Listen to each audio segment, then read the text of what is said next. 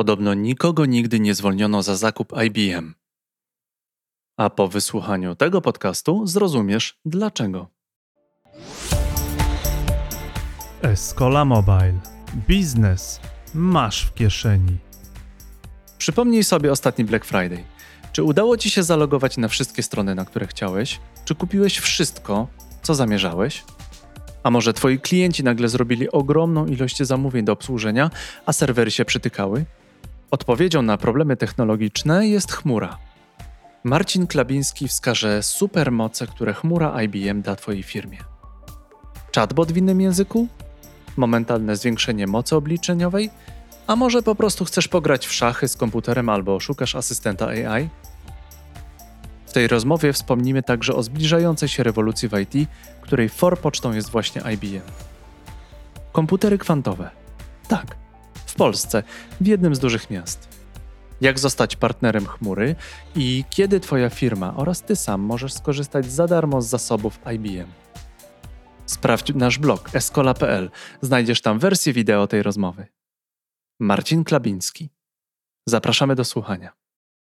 Dzień dobry, dzień dobry.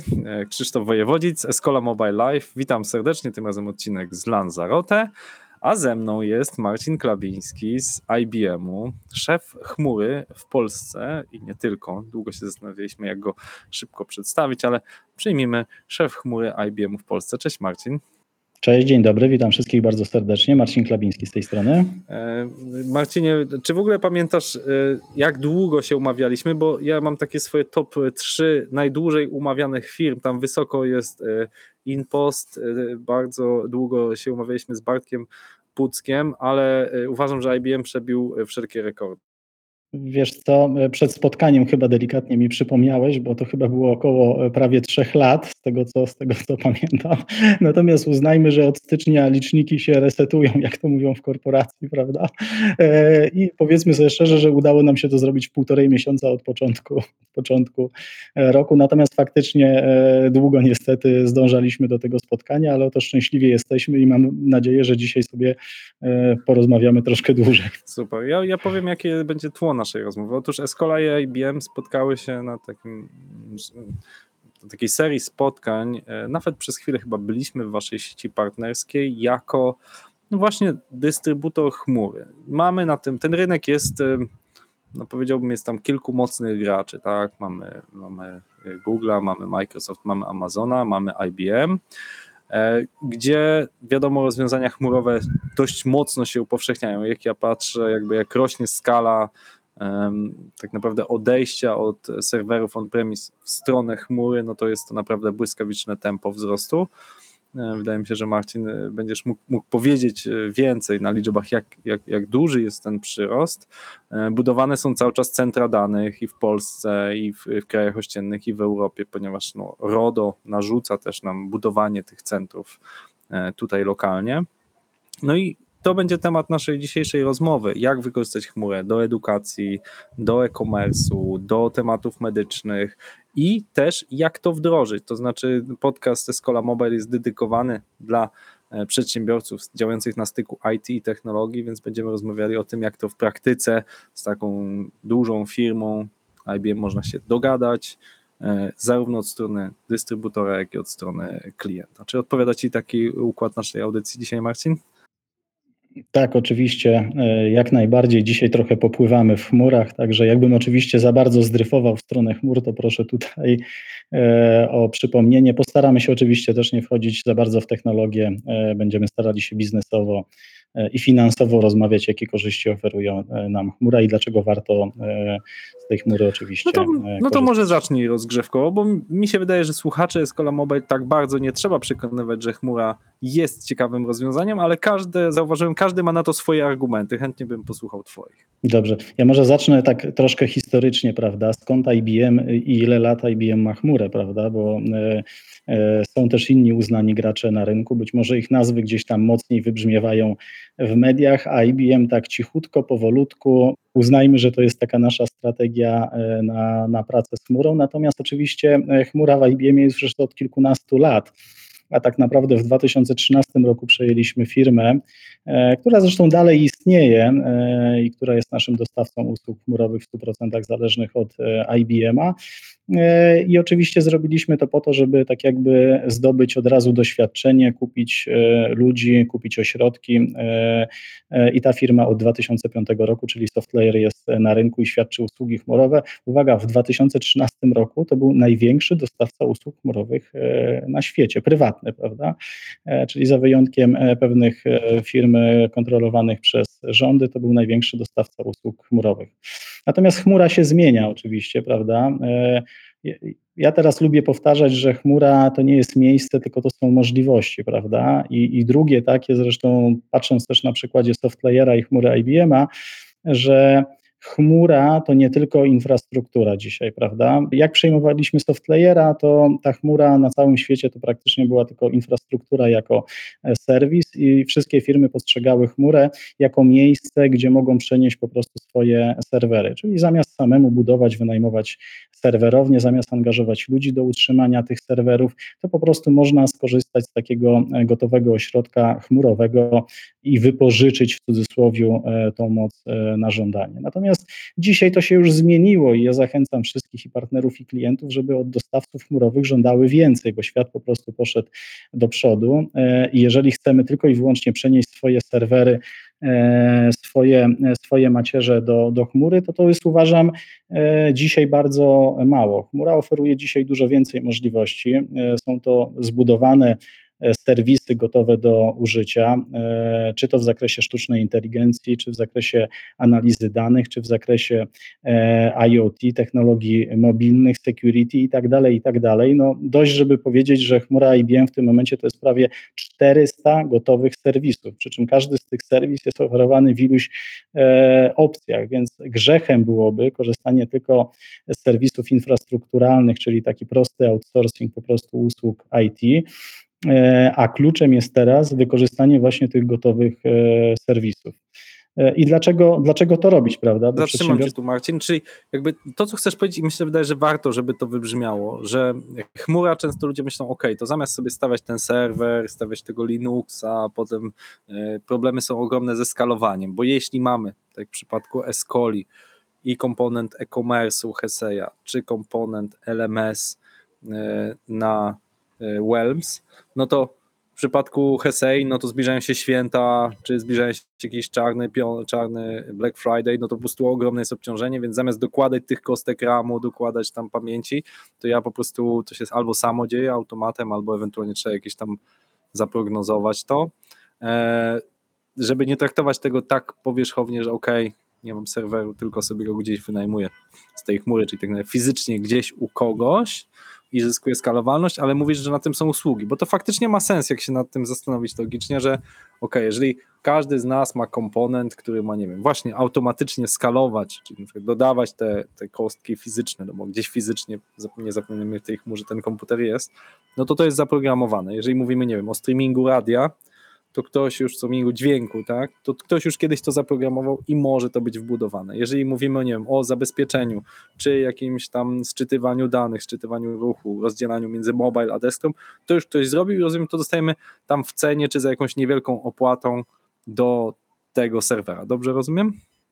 Tak, dokładnie tak. Kończąc ten wątek infrastrukturalny, bo zapędziłem się już w stronę usługową, e, to oczywiście jak najbardziej. Bardzo wielu klientów, partnerów e, wciąż jeszcze traktuje chmurę jako miejsce posiadania infrastruktury, właśnie takie wygodne, gdzie część usług jest wyoutsourcowanych, czyli całe utrzymanie tych serwerów jest po stronie dostawcy e, chmurowego i całej reszty oczywiście infrastruktury e, typu sieciowa, urządzenia sieciowe, urządzenia dyskowe, backupowe i tak dalej, i tak dalej. I oczywiście to na pewno dalej klienci będą wykorzystywać i tutaj korzyści są takie oczywiście, że można sobie to wynająć i płaci się tylko za to, co się wynajmuje, a, a potem za chwilkę można wynajmować tego mniej, albo jeżeli nasz biznes rośnie, czy jest jakiś Black Friday, to możemy nagle w piku w ciągu 15 minut uruchomić dodatkowe zasoby. I IBM tutaj też ma oczywiście ogromne możliwości, bo posiadamy 60 ośrodków e, przetwarzania na całym świecie, a w każdym ośrodku jest ponad 10 tysięcy serwerów, więc śmiem twierdzić, że jesteśmy w stanie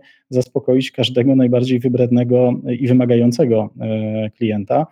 E, I tak jak mówię, i to jest takie, taka podstawa wykorzystania e, chmury. Natomiast e, ja mówię, żeby korzystać już więcej, coraz częściej klienci wykorzystują już te gotowe, zbudowane usługi. Tutaj podam jakiś przykład. Na przykład Watson Assistant jest to jedna z usług z katalogu AI i ona służy do budowania chatbotów. Czyli jeżeli chcemy zbudować takie narzędzie do obsługi klientów, żeby ten kontakt był, nie wiem, szybszy, łatwiejszy, prostszy, bardziej kontrolowalny, no to możemy wykorzystać właśnie taki, e, taki klocek, jeżeli chcemy zrobić to w sposób nowoczesny. Czyli bierzemy taką gotową usługę Watson Assistant e, z katalogu IBM Cloud, i w przeciągu dosłownie kilku dni jesteśmy w stanie to zrobić. I tu podzielę się też taką anegdotą czy, czy opowieścią, którą zresztą no, dwa lata temu się odbyła, czyli jak zaczynał się, e, zaczynała się ta pandemia, prawda? Czyli jak świat nas nauczył, że nic nie jest przewidywalne i że trzeba się przyzwyczaić do tego, że wszystko może się nagle z dnia na dzień e, zmienić, to pewien duży klient przyszedł i powiedział, że musi zbudować właśnie takiego bota do obsługi, nazwijmy to klientów, prawda? I oczywiście zbudowaliśmy mu takiego e, Corona Bota i oczywiście zbudowaliśmy go w trzy dni. I to jest właśnie plus chmury i takich gotowych po prostu e, usług, że e, korzystając z takiego gotowego narzędzia, bardzo szybko możemy to zrobić. Czyli w trzy dni był gotowy taki serwis. Kluczem tego, co mówisz, jest to, że de facto, no bo rozumiem, to jest akurat bot y, stosujący sztuczną inteligencję, de facto wystarczy go zalać danymi, tak, czyli jakby na, nakarmić danymi, natomiast jakby on już ma struktury mm, sieci e, neuronowej zaszyte w sobie i dzięki temu szybko był w stanie się nauczyć i była pominięta ta praca napisania tej sieci. Dobrze rozumiem? Tak, tak. No to jest, to jest właśnie różnica pomiędzy takim e, tradycyjnym IT, a, a właśnie IT chmurowym, ale już takim nowoczesnym, wydaniu, wydaniu właśnie tych usług gotowych. Czyli w tradycyjnym projekcie należałoby e, zakupić wszystkie komponenty po prostu do, do budowy takiego, e, takiego chatbota, e, czyli odpowiednie oprogramowanie, odpowiednią infrastrukturę i tak dalej, i tak dalej. Potem zatrudnić ludzi, którzy to od, od początku samego postawią, zainstalują, zaczną programować, uczyć e, i na koniec dnia zbudują taką gotową aplikację. I to oczywiście będzie trwało tygodnie, jeśli nie miesiące. Natomiast korzystając z takiego gotowego serwisu, jednego z wielu, jak e, przed chwilą e, mówiłem, możemy e, możemy taką, takiego chatbota mieć w przeciągu trzech dni. Oczywiście też potrzebujemy tego integratora, czyli firmy, która jest doświadczona w pracy z takimi narzędziami i w ciągu trzech dni może takie narzędzie zintegrować z naszymi systemami, nauczyć się szybko dialogów i tak dalej, i tak dalej. Natomiast podkreślam, to się dzieje dużo, dużo szybciej. To są właśnie, to jest jedna z tych kilku korzyści, jakie oferuje chmura IBM i takie nowoczesne podejście. A powiedz, jakie jeszcze takie z, z, głowy są komponenty, które tobie wydają się ciekawe, które są jakieś unikalne, e, które zbudowaliście i które, tak jak powiedziałeś, skracają nam jako firmom programistycznym czas wykonania rozwiązania.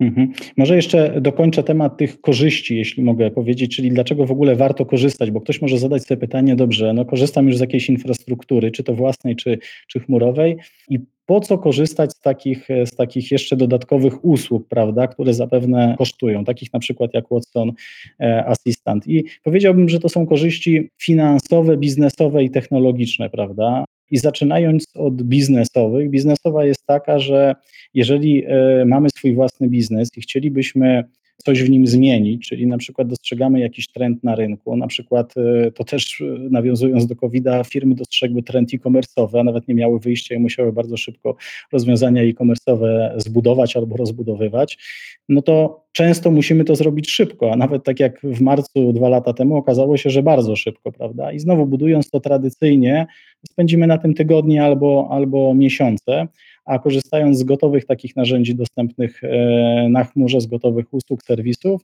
jesteśmy w stanie to zrobić znacznie krócej. Czyli pierwsza korzyść biznesowa jest taka, że jeżeli przychodzą do nas klienci, którzy coś chcą, żądają, to oni chcą to tu i teraz, prawda? I dzięki takim gotowym usługom mogą właśnie to dostać szybko, zrobić to przed konkurencją, no i oczywiście czerpać e, korzyści e, biznesowe. E, druga korzyść jest finansowa, prawda, bo budowa wszystkiego kosztuje, szczególnie w takim tradycyjnym e, modelu, czyli no trzeba wydać jakieś pieniądze, wiadomo, albo się ma swoje, albo trzeba pożyczyć, czyli jest ten koszt tego, e, tego pieniądza, który należy ponieść. i zamiast wydawać go na ten swój biznes, który mamy, czy to jesteśmy, nie wiem, producentem żywności, czy nie wiem, czy jakichś kosmetyków, czy, czy jeszcze jakichś innych rzeczy, i zamiast wydawać to na maszyny produkcyjne, to musimy wydawać to na IT. A w modelu chmurowym, jeżeli korzystamy z takich gotowych usług, to wynajmujemy nie tylko infrastrukturę, ale de facto wyjmujemy oprogramowanie i jakąś pracę ludzi i płacimy tylko za to, co wykorzystujemy, prawda? Czyli płacimy, e, nie płacimy za takiego Watson Assistanta opłatę za to, że tam my ponieśliśmy koszty zakupu licencji, E, koszty e, pracy ludzi, którzy zbudowali ten serwis, którzy go zaprogramowali i tak dalej, i tak dalej. Klient płaci tylko za to, ile korzysta z tego, z tego e, serwisu i to w bardzo elastycznym modelu, czyli bardzo szybko może albo zwiększać, albo zmniejszać po prostu skalowalność tej usługi i cały czas płaci tylko za to, co, co używa, czyli, czyli nie ma takich nad, nadinwestycji. I ostatnia rzecz, jeżeli chodzi właśnie o takie e, rzeczy funkcjonalne, e, to budowa niektórych komponentów i właśnie e, zaraz przejdę do tego, o tych najciekawszych funkcji, samodzielnie byłaby bardzo trudna albo wręcz niemożliwa, a dzięki chmurze mamy je na wyciągnięcie ręki. Możemy w chmurze IBM korzystać właśnie z tych funkcji, chociażby jak z Watson Assistanta i płacić za to dalej rozsądne pieniądze.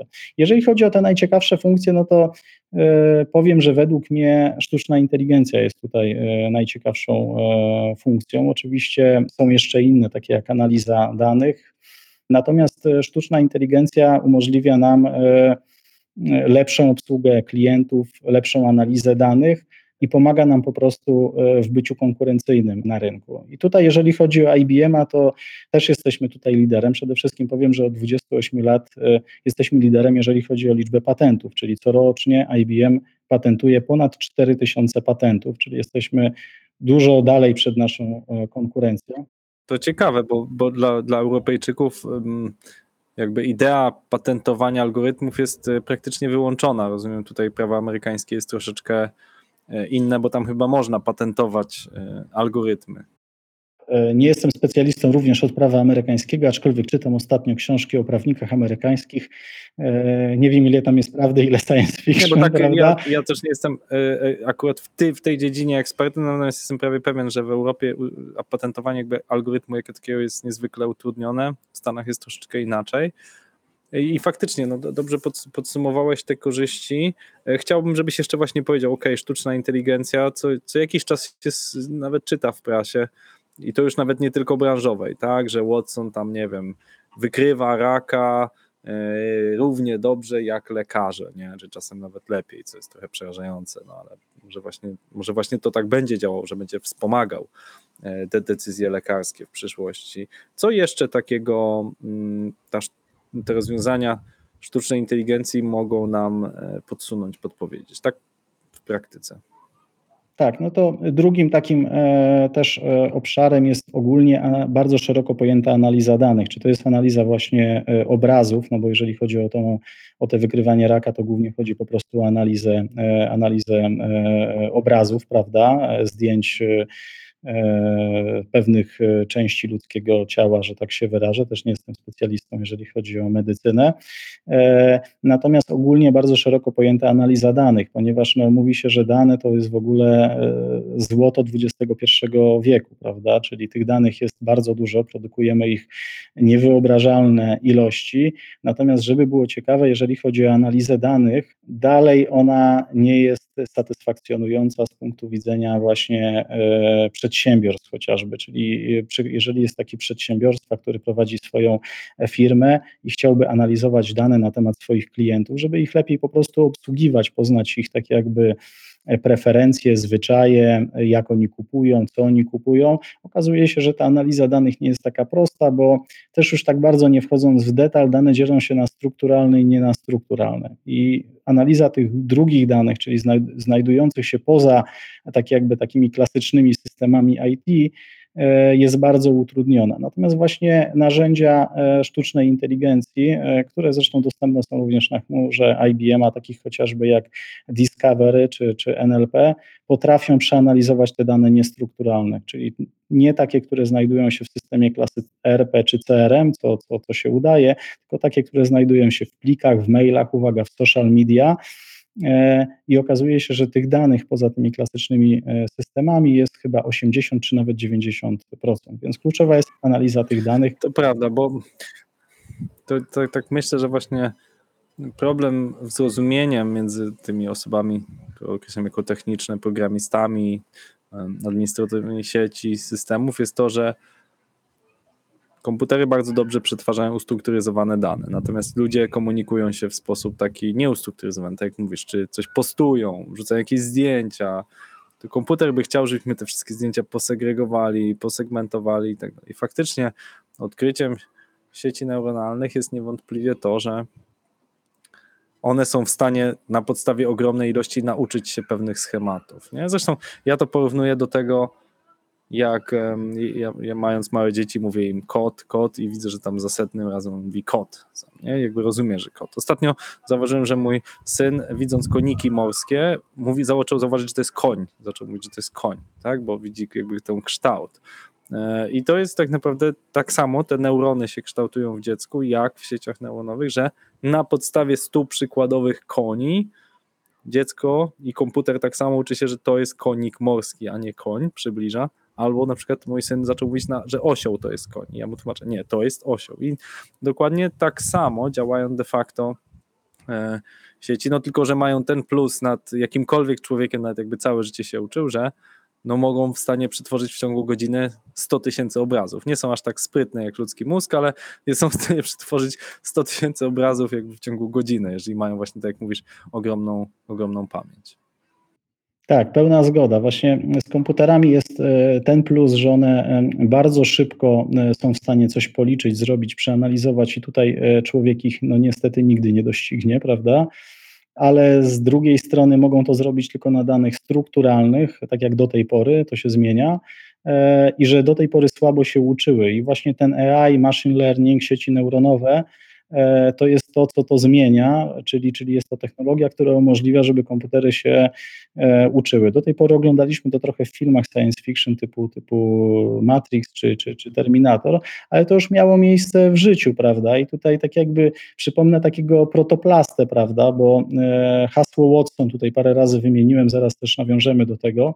Natomiast takim protoplastą był e, Deep Blue i nie wiem, czy ktoś jeszcze pamięta z młodszych roczników. Ja, ja nawet z, z, pamięci mówię, tak, że to był 96 rok i wydaje mi się, że to był jakiś procesor, który miał 166 MHz, albo to, to na pewno było poniżej gigaherca taktowania procesora. Dzisiaj to jakaś, no nie wiem, wyjątkowo low-endowa komórka ma dużo więcej pamięci. Jak ten komputer musiał być zaprogramowany, że mając tak małą jednak, jak na dzisiejsze czasy, moc obliczeniową był w stanie pokonać mistrza świata w szachy. Nie? I jakby jak, no właśnie, no jak to tak. się stało? Powiedz? Były tak, e, pewne pewne szczegóły techniczne, e, jak ta maszyna była się w stanie nauczyć, pewnie do, do dzisiaj się tego nie dowiemy, czy stanowią gdzieś tam pilną tajemnicę strzeżoną przez IBM-a. Natomiast faktycznie to było tak, że w 96 roku on najpierw przegrał, aczkolwiek wygrał bodajże dwie partie, przegrał chyba 3 do 2 z tego co, z tego co pamiętam, a w 97 roku był znowu Deep Blue, podobno troszkę poprawiono te algorytmy e, uczące, bo w pierwszej partii była taka sytuacja, że maszyna się zapętliła i popełniła błąd, czego normalnie maszyny nie, e, nie robią, czyli mając praktycznie wygraną partię, komputer się pomylił i Kasparow wygrał ostatnią e, partię. Natomiast w 97 roku usunięto, dosz, doszli programiści do wniosku, dlaczego maszyna popełniła taki błąd. Za dużo się może nauczyła, prawda? Zaczęła się, zaczęła się uczyć. Poprawiono te, te, te algorytmy i w 1997 roku ostatnia partia została wygrana i to było chyba 3,5 do 2,5, czyli jedna partia była zremisowana. E, więc no to, było, to był chyba taki przełom, bo do tej pory tak naprawdę e, E, nie było czegoś takiego, że maszyna była w stanie się nauczyć i wygrać no, z arcymistrzem szachowym. No, chyba jednak sporo osób pamięta Gary. Mistrzem świata.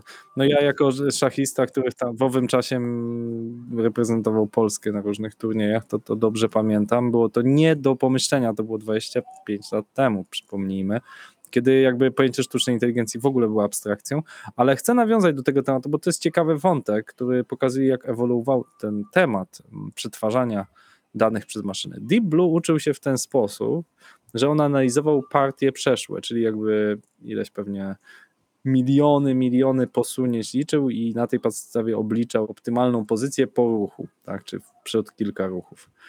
Natomiast wiem, że chyba w 2000, parę lat temu, w 2016 bodajże, to jak już się uczyły komputer gry Go, to w ogóle e, o, komputer jakby nie analizował partii, tylko grał je sam ze sobą. I w ten sposób wypracował strategię nawet lepszą niż człowiek i był w stanie wygrywać. Gra Go jest skomplikowana, bardziej skomplikowana przez liczby możliwych kombinacji od szachów. I to pokazuje, że przynajmniej w tych, e, bo akurat i szachy i Go są ustrukturyzowane, komputery były w stanie nauczyć się coś robić lepiej niż ludzie. Nie? I to jest moje właśnie pytanie do ciebie, czy właśnie może to jest jakaś taka sugestia dla nas, jeśli chodzi właśnie o, nie wiem, kwestie, kwestie jakichś badań lekarskich, że człowiek jest omylny, nie? I pewnie nam studem jest pomyśleć, że za 20 lat, nie wiem, będą samochody same za nas jeździć, ale z drugiej strony nikt nie ma problemu z tym, że wsiada do samolotu, zakładając, że ktoś się nie boi latać i że ten pilot głównie trenował na symulatorach i głównie przez cały lot będzie autopilot, yy, prawda, zarządzał tym lotem, tak, powierzamy życie maszynie, nie? Większość osób nie ma z tym najmniejszego problemu, nie? Jak ty to widzisz, przyszłość właśnie tej chmury, która wspiera różne decyzje ludzi. Takie ważne nawet, jak, jak lot samolotem. Tak, ja tu jeszcze podam właśnie następny taki przypadek ewolucyjny, bo zgadza się, jeżeli chodzi o Deep Blue, to, to polegało na, na analizie e, ruchu, więc powiedzmy, że, że to, to jest wciąż mocna strona komputerów. Natomiast też parę lat temu e, wszyscy zachwycali się turniejem Geopardy. To jest bank bodajże, jeżeli chodzi o wydanie polskie. I tutaj już jest większy problem, bo tu nie chodzi tylko o analizę, to znaczy tu w ogóle jest język naturalny, to jest pierwsza rzecz, czyli analiza języka naturalnego, czyli kompletnie niestrukturalnej e, danej, bo zdanie w różnych językach to samo można powiedzieć na różne sposoby i komputer musi się domyślić, człowiek się domyśli oczywiście, ale komputer musi się domyślić. To nie jest tylko prosta e, analiza, ale w Wabank jeszcze trzeba odpowiedzieć pytaniem na zadane pytanie, tak. prawda? Czyli to jest jeszcze trudniejsze, bo tu jest już pewne myślenie abstrakcyjne. E, I uwaga, i e, kilka lat temu również po raz pierwszy Watson, to też był oczywiście sztuczny, sztuczna inteligencja odpowiednio oprogramowana na odpowiednim e, superkomputerze IBM e, wygrała ten konkurs z jakimiś mistrzami świata ze Stanów Zjednoczonych i to też był następny szok, bo to już jest przełamana kolejna bariera tak jakby tej ewolucji przetwarzania danych i rozwoju sztucznej inteligencji, że to nie była już prosta analiza danych i uczenie się maszynowe, tylko to już było myślenie no, abstrakcyjne, tak. powiedzmy sobie. I język szczerze. naturalny warto powiedzieć. I język tak? naturalny. Tak, tak mhm. Który do tej pory nie był w stanie być przeanalizowany przez, e, przez komputery. No i to pokazuje, że to też można wykorzystać przecież w biznesie, czyli właśnie są takie serwisy na, na chmurze, które służą do analizy języka e, naturalnego i moim zdaniem to będzie e, przyszłość, e, czyli, czyli takie właśnie rozwiązania e, zbudowane o analizę języka naturalnego, danych niestrukturalnych będą bardzo popularne, bo z tych danych niestrukturalnych można wyciągnąć bardzo wiele rzeczy i wykorzystać je po prostu w biznesie, bo na koniec dnia to chodzi, to chodzi o to. Tu nie chodzi o wygrywanie turniejów szachowych czy czy turniejów Geopardy, chociaż oczywiście tam są e, nagrody, ale chodzi o bardziej biznesowe, chodzi o wykorzystanie po prostu tego w codziennym e, biznesie. Nie wiem, czy zakończyliśmy temat Watsona, czy nie, ale jeszcze jedna taka rzecz z wyróżników, czyli jeżeli chodzi o te patenty i, i rzeczy, które oczywiście IBM rozwija, no to następną rzeczą taką bardzo przyszłościową, na razie nie do końca wykorzystywaną produkcyjnie, a powiem dlaczego nie do końca, są komputery kwantowe, bo to jest tak jakby dalszy kamień milowy, jeżeli chodzi o rozwój. Chciałem Cię właśnie zapytać, czy, czy, czy coś możesz zdradzić, bo, bo, bo komputery kwantowe, mimo że trochę jest przecieków w prasie, to jest coś, co wiemy, że IBM się tym zajmuje, ale gdzieś tam w kuluarowych rozmowach słyszałem, że właściwie to jest taka trochę pilnie strzeżona tajemnica, w, tego, w takim sensie, że no ich moc obliczeniowa jest taka, że te, ona rozwiązuje trochę inne zadania, ale gdyby można było ją zaprząc, to ten, nie wiem, mogłaby całego bitcoina rozpracować bardzo szybko, połamać pełno haseł, tylko że najpierw problem z kwantowymi komputerami jest, że one trochę inaczej liczą, w sposób bardziej statystyczny. E, czy mógłbyś może właśnie opowiedzieć, jak w ogóle działa komputer kwantowy, tak żeby nasi słuchacze mogli trochę to lepiej zrozumieć? Tak, ja może tak e, bardzo ogólnie o tym powiemy. Mamy ambasadorów kwantowych, jesteśmy jednym z kilku producentów e, komputerów kwantowych i rozwijamy tą technologię e, na świecie. Jeżeli chodzi właśnie o tą produkcyjność, to powiem, dlaczego, dlaczego one się robią już produkcyjne, ale faktycznie na razie to jest dopiero etap budowy ekosystemu. One będą wymagały innych języków programowania. To nie będzie klasyczne podejście binarne i faktycznie w takim klasycznym podejściu binarnym komputery kwantowe się nie sprawdzają. One troszkę, troszkę inaczej po prostu liczą. One bazują na, na kubitach, które mogą mieć różne stany po prostu. To nie jest właśnie tak jak w komputerach binarnych, że, że e, jedna pozycja może być 0 czy 1, tylko one mogą być w tak zwanej superpozycji i ta superpozycja oznacza e, wiele, wiele stanów. Natomiast co to oznacza dla, dla użytkownika? No właśnie chociażby e, to, że z jednej strony nie nadają się do takich tradycyjnych zastosowań komputery binarne, prawda, które, które opanowały świat, a z drugiej strony dzięki swojej dużej mocy obliczeniowej wynikającej właśnie z tej wielostanowości, e, faktycznie na przykład komputery kwantowe świetnie się nadają do łamania kluczy kryptograficznych, czyli to, co jest nie do złamania e, przez tradycyjny komputer, taki komputer kwantowy może podobno w przeciągu kilku sekund czy minut złamać nawet najbardziej skomplikowane klucze kryptograficzne, e, doszło do tego, że zaczęto opracowywać e, klucze kryptograficzne, tak zwane quantum safe ready, czyli klucze, które analizując pracę komputerów kwantowych, wprowadzają tam pewne elementy, żeby nie dało i się rozpracować przez komputer e, kwantowy, prawda? Czyli żeby taki klucz mimo wszystko był, e, mimo tej ogromnej mocy obliczeniowej komputera kwantowego, e, odporny na, na, na, na złamanie, czyli dostrzeżono po prostu problem, że ta technologia już jest w rękach kilku, no kilku krajów, można, można powiedzieć i gdyby któryś z tych krajów czy, czy, czy, czy, czy, czy dostawców zechciał się zająć oczywiście działalnością nielegalną, czyli łamaniem kluczy kryptograficznych, no to nie niestety e, reszta świata miałaby poważny, e, poważny e, problem. Natomiast jeszcze tylko wracając, został dostarczony do, do Niemiec, do rządu federalnego taki pierwszy komputer produkcyjny. Nie wiem, czy to jest pierwszy komputer produkcyjny na świecie, czy, czy dostarczony przez IBM-a. Można na ten temat przeczytać, to jest oficjalna referencja. My publikowaliśmy informacje, zresztą myślę, że na temat komputerów kwantowych my mamy tak zwanych ambasadorów kwantowych, mamy też program dotyczących e, quantum e, computingu. I tak naprawdę został utworzony w Polsce hub, czyli w Poznaniu będzie ulokowany hub quantum computingu, natomiast kilka dni temu była taka oficjalna informacja podana przez naszego mhm. e, prezesa, że współpracujemy tutaj z partnerem e, z Poznania i on będzie właśnie e, tym hubem quantum computingu. Zresztą tutaj też jeszcze tylko kończąc ten... Poznańskie Centrum Superkomputerowo-Sieciowe strzelam. Bardzo dobrze trafiłeś. To znaczy, unikałem tej nazwy, natomiast ponieważ zostało to podane oficjalnie, to oczywiście jest to oficjalna informacja, więc mogę jak najbardziej potwierdzić, że PCSS z Poznania został naszym oficjalnym partnerem i został e, hubem quantum computingu, więc to jest ogólnie bardzo duża nobilitacja dla Polski, to jest duża inwestycja, to oczywiście służy rozwijaniu tych technologii, e, będziemy współpracowali z PCSS-em przy rozwijaniu tych technologii. Ja tu jeszcze dodam, że oczywiście można przystąpić do tego programu, czyli jeżeli klienci, partnerzy są zainteresowani, to właśnie poprzez portal cloudowy między innymi można e, spróbować przystąpić do tego programu. Zresztą mówię o quantum computingu możemy zrobić z naszymi ambasadorami e, oddzielny podcast, jeżeli będą zainteresowani, to, to bardzo dużo o tym e, opowiemy.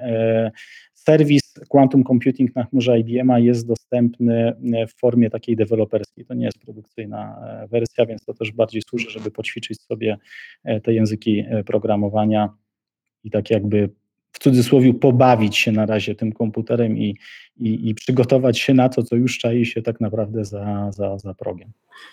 Okej, okay, to chciałbym Marcin, żebyśmy teraz przeszli do takiej części trochę praktycznej, czyli wszyscy zdajemy sobie sprawę z tych możliwości, jakie daje chmura. E, wiemy, że jest dużo gotowych serwisów i jakby skraca nam to czas wytworzenia danego delivery, wytworzenia danego produktu tak? Co, do czego nie trzeba przekonywać biznesu, bo czas to pieniądz, do czego nie trzeba przekonywać programistów, bo nie chcą oni często robić, powielać rozwiązań, które są już gotowe. Więc powiedz, jak zostać współpracownikiem e, IBM-a w tym zakresie lub klientem, to znaczy jaka jest droga, co trzeba się nauczyć, co trzeba poznać. Może jeszcze zapytam o trzecią perspektywę, więc po kolei je rozpracujmy. jak się nauczyć, czy macie jakieś programy szkoleniowe, tak, gdzie można się nauczyć, nie wiem, jak ktoś jest studentem, czy świeżo wchodzi w temat clouda, bo to jest taki chodliwy temat, dużo chciało osób się nauczyć, jak zostać klientem i wreszcie jak zostać takim dystrybutorem. To może zacznijmy od, od, od, od strony uczenia się, bo to pewnie wiele osób interesuje.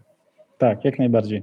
E, ponieważ temat cloud computingu, mimo że już jest już na świecie, istnieje od kilkunastu lat, wciąż jest taką jeszcze świeżynką w pewnych obszarach, czyli, czyli i partnerzy, i klienci, bym powiedział, że się tutaj bardzo dużo uczą. E, posiadamy dedykowany e, portal, to jest Cloud Education Portal i tam są dostępne ścieżki szkoleniowe w formie nagranych tutoriali, w formie instrukcji, oczywiście potem w formie egzaminów, a na koniec dnia możemy potwierdzić taką ścieżkę certyfikacyjną w autoryzowanym e, ośrodku certyfikacyjnym, czyli zdobyć taki certyfikat. Ja zresztą przeszedłem jedną taką ścieżkę i mam nawet na LinkedInie opublikowany jeden certyfikat, który oficjalnie e, zdałem. Korzystanie z tego portalu jest bezpłatne, wystarczy e, rejestracja, więc chętnie się tym podzielę. To jest dostępne zarówno dla mhm. naszych biznes partnerów, jak i dla klientów, którzy chcieliby się trochę nauczyć. Mhm. Tak, to jest dostępne jak najbardziej dla E, dla wszystkich. Czyli tak w skrócie wyglądają programy, jest ich, mówię, kilka dostosowanych do funkcji. Jedne są bardziej biznesowe, drugie są bardziej techniczne. Z technicznych są też bardziej dla architektów, bardziej dla deweloperów, bo e, pamiętajmy, że chmura nie jedno ma imię, prawda? No to czyli mówimy chmura, ale pamiętajmy, że nowoczesne chmury to jest kilkaset serwisów, prawda? Więc no, e, nie ma osoby, która byłaby specjalistą technicznym od wszystkich serwisów, bo tu ogrom zagadnień jest niesamowity. E, teraz następnym tematem chyba było, jak zostać partnerem, prawda? Tak. Dla partnerów. Mhm. Tak, dla partnerów również mamy dedykowany program e, e, partnerski. IBM ma wieloletnią tradycję współpracy e, z partnerami. Większość naszych obrotów w Polsce robimy również z partnerami, czyli czy to oprogramowanie, czy, czy infrastrukturę hardware'ową, czy chmurę sprzedajemy przez naszych biznes partnerów. Wystarczy tutaj rejestracja na portalu Partner World i przejście odpowiedniej ścieżki e, certyfikacyjnej, prawda? Czyli rejestrujemy się na portalu, przechodzimy pewną ścieżkę certyfikacyjną, dostajemy elektronicznie do podpisu umowy, w tym umowę o zachowaniu poufności i po przejściu takiej ścieżki możemy zostać e, biznespartnerem IBM-a i być sprzedawcą e, chmury IBM-a. Jeszcze została nam ścieżka klienta, czyli jakby jak, jeżeli ktoś myśli o wyborze jakiejś chmury, tak, nie wiem, jestem korporacją, mam tego ruchu duży, idące to, nie wiem, w jakichś teraflopach danych, które, które wymieniam na bieżąco, no i dochodzę do wniosku, dobrze, to chciałbym albo chcę przejść z on-premise na chmurę, albo chcę zmienić chmurę aktualnego dostawcę, którego mam. Jak, jak to zrobić? Mhm. Tu jest kilka e, sposobów. Jest to, bym powiedział, jeszcze prostsze niż zostanie biznes partnerem.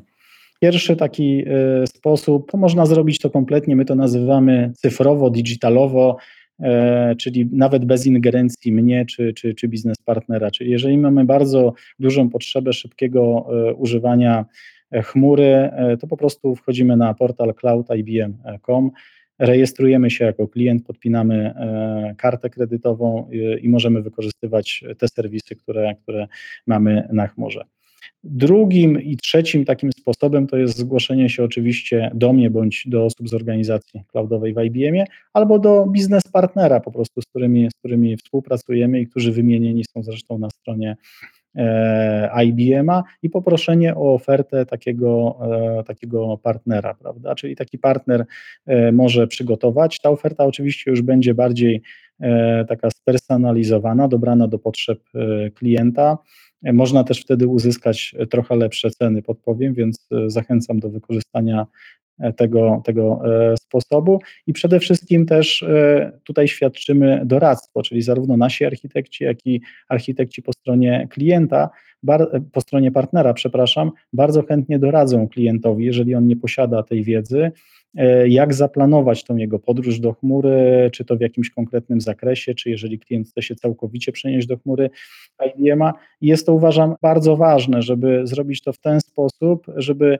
jak najszybciej osiągnąć największe korzyści, czyli e, przenieść czy, czy w chmurze uruchomić te rzeczy, które dadzą bardzo szybko jakąś określoną wartość biznesową, a na koniec może zostawić sobie e, te rzeczy, które się przesuwa najciężej, i de facto nie ma dużego znaczenia, czy to działa w chmurze, czy to działa po prostu on-premowo, więc można sobie poczekać, powiedzmy, aż czas życia jakiejś naszej infrastruktury dobiegnie końca i wtedy ją przenieść również do, na samym końcu do, do chmury IBM-a. I ogólnie polecam tą ścieżkę, ponieważ z doświadczenia wiem, że klienci często nie posiadają jeszcze tej wiedzy, jak się prawidłowo do tej chmury e, przenieść, e, z czego skorzystać e, i mogą wpaść tutaj w różnego rodzaju pułapki, prawda? Czyli niezbyt optymalnie zacząć wykorzystywać po prostu te usługi chmurowe, a taka jest rola partnera, taka jest rola IBM-a, żebyśmy tutaj po prostu doradzili, podpowiedzieli, zasugerowali, które serwisy w danym momencie można wykorzystywać i jak to zrobić przede wszystkim. No właśnie, to, to jest ważne, co powiedziałeś, że to wiele osób myśli, że to jest jakieś takie po prostu całkowicie, że wszystkie serwery nagle muszą zostać zniszczone i idziemy do tej chmury, tylko że to często dzieje się po kolei, tak? Czyli tam, gdzie właśnie jest ta skalowalność niezbędna, idziemy do chmury, tam, gdzie tej skalowalności jest nie, albo gdzie mamy dedykowane usługi, które bardzo łatwo możemy wykorzystać, to, to jest a, a nadal pewne rzeczy mogą zostać on-premise, czy jakby czas być w naszej serwerowni, nie wiem, jakaś tam archiwizacja, dokumentacja. Ja też często podkreślam, że trzeba pamiętać, że no, serwery się kręcą, tak, znaczy teraz na dyskach SSD to może się już nie kręcą tak jak wcześniej talerze, no i to kosztuje energię, tak? I, nie, I, potem trzeba to przesyłać, gdzieś tam backupować. Jeżeli mamy jakieś rzeczy, które po prostu potrzebujemy zarchiwizować, to naprawdę nie ma sensu, żeby to było na komputerze podłączonym do prądu. Można wyjąć dysk, trzymać go w szafie i tam mieć jakieś tam dane, nie? Albo najlepiej niekoniecznie w biurze na wypadek jakiegoś wypadku. Często zapominamy o tym, że komputer nie musi cały czas skręcić tych talerzy, zużywać prądu na jakieś rzeczy, które po prostu służą archiwizacji. E, ok, jeszcze chcecie zapytać, bo mm, e, zapytałem Cię o korporację, która ma teraflopy przesyłu, natomiast są jeszcze młode firmy, organizacje, które, startupy, e, młode spółki, mniejsze spółki, które nie mają aż takiego dużego ruchu i pewnie liczyłyby na jakąś zachętę, też wsparcie w przejściu do tego typu infrastruktury. Czy wspomniałeś, że jak się do Ciebie zgłoszą, to mają szansę na jakieś, jakieś tutaj inicjatywy. Powiedz, jak to działa w przypadku tych małych organizacji czy startupów. Mhm. Tak, jak najbardziej. E, współpracujemy z różnymi e, klientami, z różnymi partnerami, czyli oczywiście też z dużymi, e, takimi jak duże banki na świecie, chociażby ostatnio dużo się mówiło o podpisaniu umowy z Kasza Bankiem, natomiast to nie oznacza, że zaniedbujemy mniejszych klientów, bo oni są dla nas bardzo ważni, a w szczególności startupy, które bardzo szybko rosną, potrzebują nowoczesnych takich technologii chmurowych, potrzebują nowoczesnych serwisów i są dla nas bardzo wdzięcznymi klientami. I my też to rozumiemy, że jeżeli startupy e, zaczynają swój biznes, no to są powiedzmy na etapie pozyskiwania dopiero klientów, pozyskiwania e, funduszy, i, i najchętniej e, z pewnych rzeczy korzystałyby e, za darmo. Po pierwsze też od razu dodam, że około 40 serwisów e, w chmurze IBM, czyli około 10%, jeżeli dobrze liczę, jest w ogóle dostępnych w darmowych planach taryfowych, więc nawet nie tylko startupy, ale inni klienci, jeżeli nie przekraczają pewnego poziomu zużycia tego serwisu, to mogą sobie wziąć taki, nie wiem, serwer wirtualny, czy chociażby wspomnianego Watson Assistanta, E, i e, korzystać z niego e, za darmo, prawda? Więc, więc jest to bardzo ważne. Natomiast dla startupów jest specjalny program. Mamy specjalną dedykowaną stronę, portal, gdzie można się zarejestrować i otrzymać kilka korzyści ze strony, ze strony IBM-a, czyli E, pierwsza rzecz to są oczywiście kredyty, bo to pierwsze, pierwsze, co pewnie każdy ma na myśli, czy IBM daje jakieś kredyty na chmurę. Oczywiście tak, dajemy do 120 tysięcy dolarów e, na rok, prawda? Czyli jeżeli spełnia się odpowiednie e, kryteria, jeżeli się przejdzie pomyślnie proces rejestracji, który jest bardzo krótki, bo wypełnienie wniosku zajmuje tam bodajże 5 do 10 maksymalnie minut, oczywiście wszystko w formie elektronicznej online'owo, potem w przeciągu kilku dni my ten wniosek rozpatrujemy. E, jeżeli rozpatrzymy ten wniosek e, pozytywnie, to oczywiście taki startup dostaje powiadomienie, że otrzymał taką a taką paczkę kredytów na, e, na Ale jeszcze na zdefiniujmy, bo ty chyba, ty chyba Marcin używasz słowa credits, Czyli tak naprawdę dostaje de facto, nie musi tego nigdy spłacać, tak? Po prostu dostaje nie. to. Tak, Zadanie, używam kredytów. To są credits używam, angielskie. Tak, to są, nie, to są spolszczone kredyt. angielskie kredyty chmurowe. Dostaje pulę, pulę tak? Pulę dostaje pewną, tak, dościślimy, dostaje pulę i nigdy oczywiście nie, Tak, dostaje pulę e, wirtualnych kredytów, bitcoinów, takich e, IBM cloudowych, nazwijmy to w ten sposób, które są załadowane na jego konto. E, o, oni to widzą. Które prawda? normalnie musiałby kupić dany startup, a Tak. dostaje po prostu to na, na start. Świetna sprawa. Do 120 tysięcy dolarów to jest. Tak, do, do 120 to oczywiście e, zależy. To nie oznacza, że, że, to, że to są, że to jest zawsze 120, e, 120 e, tysięcy, prawda? E, To zależy od pewnych kryteriów, które są opisane na tym e, portalu i tak jakby ja chętnie służę tutaj pomocą. Natomiast dajemy też coś więcej. E, Tutaj nawet w Polsce są dedykowane osoby do współpracy e, ze startupami, e, które po prostu pomagają. Tak jak też mówiłem, jeżeli chodzi o tą ścieżkę edukacyjną, E, czyli, czyli to nie jest tak, że dajemy tylko kredyty startupowi i radź sobie sam, no nie poruszaj się w gąszczu tych 400 e, naszych usług, domyślaj się do czego one są, przeczytaj sobie 400 dokumentacji, natomiast my tutaj doradzamy, czyli jest zespół taki, bym powiedział, pre-salesowy, ale też techniczny, czyli razem z tym startupem możemy zbudować to rozwiązanie, dedykować osoby do budowy takiego, takiego e, rozwiązania e, i razem z nim zrobić takie MVP, czyli e, minimum valuable product, czyli zbudować po prostu z nim ten produkt, oszczędzając tak jakby też czas osób po stronie startupa, bo wiadomo, że czasami zasoby też w startupie nie są zbyt wielkie, a możemy to po prostu zrobić razem i, i wesprzeć startup. Tutaj zarówno naszą wiedzą na temat oczywiście konkretnych serwisów IBM-a, ale też na temat rozwiązania, które chcemy zbudować. Czy to będzie jakieś rozwiązanie IoT, czy będzie to jakieś rozwiązanie dotyczące sztucznej inteligencji, to to rozwiązanie po prostu możemy zbudować razem e, i pomóc.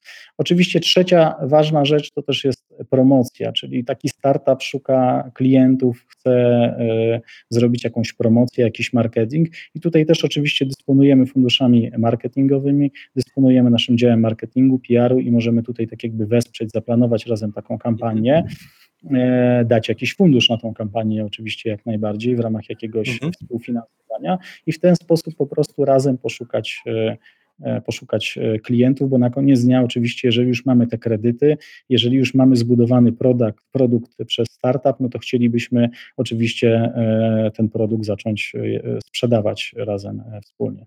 Więc tak w skrócie wygląda ten program. Oczywiście e, więcej szczegółów mogę podać e, już poza, e, poza Mhm. webcastem. Ja myślę, że to jest też warte podkreślenia, jeżeli słuchają nas młodzi przedsiębiorcy, przedsiębiorczynie, którzy myślą o swoim biznesie, że właśnie ta pierwsza sprzedaż często jest e, dużym wyzwaniem, a żeby osiągnąć pierwszą sprzedaż, no to trzeba się jakoś uwiarygodnić. A że jest e, dalej aktualne powiedzenie, że nikt nigdy nie stracił pracy za wybór IBM, a zawsze to nas uwiarygadnia, że współpracujemy z dużym dostawcą, e, korzystamy ze sprawdzonych rozwiązań, tak, przepracowanych przez wiele firm. Także no, to wydaje mi się jest duża zaleta. My z tego jako Escola też e, korzystaliśmy w, w, w naszych początkach jako formy takiej mm, uwiarygodnienia tak, naszych pomysłów. E, Marcin, czy jeszcze coś chciałbyś dodać ze swojej strony na zachętę do, do rozwiązań chmurowych i lub też chciałbyś coś powiedzieć o perspektywach, bo wydaje mi się, że tak patrząc historycznie, no, od, powiedzieliśmy o 96 roku, jak e, Deep Blue pojedynkował się z e, Garym Kasparowem, to jakbyśmy mieli wybiec w przyszłość, e, 2030 rok, to raptem za 8 lat, czy, czy faktycznie to będzie oparte o cloud computing, to co robimy my jako firmy informatyczne? Y, Powiem w ten sposób. y, Przede wszystkim zażartuję sobie, że życie nas ostatnio nauczyło, że lepiej wybiegać maksymalnie dwa lata do przodu, prawda, a nie, a nie, a nie osiem. Oczywiście no musimy jakoś myśleć y, bardziej perspektywicznie, więc spróbujmy e, pofantazjować.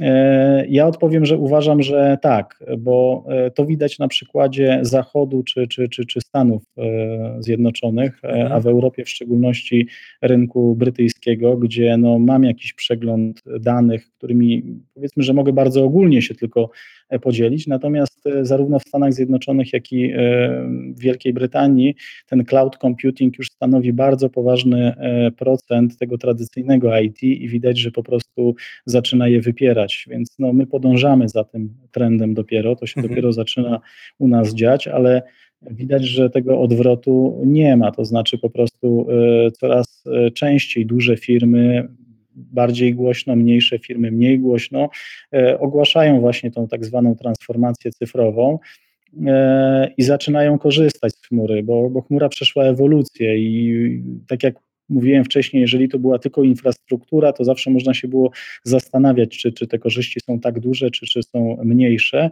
Natomiast e, coraz więcej firm chce korzystać po prostu z tych gotowych e, e, usług, bo one stanowią realne wsparcie dla biznesu. A przypominam, że IT to jest wsparcie biznesu tak naprawdę, a ono nie istnieje dla samego siebie. Natomiast y, jeszcze jeżeli chodzi o taki trend, dlaczego też właśnie chmura i dlaczego firmy idą, bo tak ogólnie rzecz biorąc tutaj chodzi o pewną automatyzację procesów, prawda, czyli ona się dzieje wszędzie, mówiłeś o samochodach autonomicznych, coraz więcej jest robotów autonomicznych, to też już tego nie wiemy, ale są firmy e, na świecie, e, które do niektórych fabryk e, sprzedają, e, sprzedają roboty i się tam okazuje, że 99% e, urządzeń w fabryce jest kompletnie zautomatyzowanych, poza tak zwaną kontrolą manualną człowieka, tylko oczywiście sterowanym też przez komputer. I tutaj Japonia jest takim przykładem, ale też właśnie Stany Zjednoczone czy, czy, czy, czy Wielka Brytania. I to, to wchodzi jak najbardziej również powoli do Polski. I to jest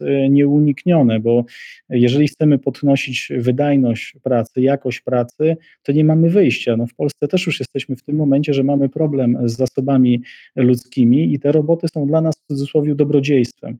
I te roboty w IT również. E, też już coraz częściej mówi się o narzędziach typu, typu RPA, czy właśnie e, narzędziach do automatyzacji biznesu, czy chociażby czym jest chatbot. Chatbot też jest automatyzacją pewnego procesu, gdzie e, budujemy bota, który 7 na 24 obsługuje naszych klientów, czyli zautomatyzował nam jakiś proces proces obsługi klienta, czy to są reklamacje, czy to jest proces sprzedaży, czy coś innego, ale on po prostu działa w sposób kontrolowalny, w sposób y, policzalny, czyli jesteśmy cały czas w stanie sprawdzić, co on robił, co on odpowiadał tym, tym klientom i to będzie szło w tą stronę, czyli będzie następowała coraz większa automatyzacja procesów i bez chmury, bez narzędzi chmurowych uważam, że jest to ciężko zrobić, chociażby czy ze względu na skalowalność e, tego, bo tak jak mówiłeś o Black Friday czy tam Cyber Monday, e, to, to, to następują tutaj bardzo często duże, duże piki, że tak się wyrażę, obciążenia i klienci potrzebują dodatkowej mocy, ale też ze względu na te gotowe serwisy, które są w chmurze, że oczywiście wszystko można zbudować tradycyjnie, tylko pytanie, po co i ile to czasu e, zajmie i ile musimy na to wydać e, pieniędzy, które moglibyśmy przeznaczyć na nasz e, normalny biznes. Więc uważam, że chmura w Polsce za, za 8 lat będzie pewnie w takim miejscu, w jakim teraz jest gdzieś w Stanach Zjednoczonych, czyli tradycyjne IT będzie w odwrocie, a, a rynek chmurowy przejmie znaczącą część tego rynku IT. No i tego sobie i wszystkim życzę, żeby faktycznie automaty zastąpiły nas z pracą, żebyśmy tylko mogli leżeć na plaży, pić drinki lub spacerować wzdłuż wybrzeża, e, a faktycznie roboty niech za nas programują, roboty niech za nas podcastują i niech dzielą się tym podcastem, ale dopóki tego nie zrobią, to proszę, jeżeli nas słuchacie, to możecie nam pomóc i tam e, zasubskrybować nasz kanał wtedy roboty będą wiedziały, że ten, ten podcast był fajny. Dzięki moim gościem był e, Marcin Klabiński z IBM-u, szef chmury w Polsce i nie tylko. E, dzięki Marcinie za Twój czas. Escola Mobile. Biznes masz w kieszeni. Dziękujemy za Twój czas i za to, że spędziłeś go z nami. Chmura to jest moc, szybkość, stabilność. Wiemy o tym, jeżeli kupujemy rzeczy na Black Friday, na wyprzedażach albo sprzedajemy je wielu osobom naraz. Chmura pozwala nam momentalnie zwiększyć siłę, moc obliczeniową, no i szybkość reakcji. Jeśli ten podcast dał Ci jakąś wartość, nauczyłeś, nauczyłaś się czegoś nowego, bardzo prosimy, daj nam 5 gwiazdek na Spotify bądź Apple i fajną recenzję. W ten sposób, dzięki Twoim gwiazdkom i ocenom, realizujemy misję naszego podcastu. Misją podcastu Escola Mobile jest Dzielimy się wiedzą. To był 110 odcinek podcastu Escola Mobile. Gościliśmy Marcina Klabińskiego z IBM. Rozmawialiśmy o sile i zastosowaniu chmury IBM. Do usłyszenia.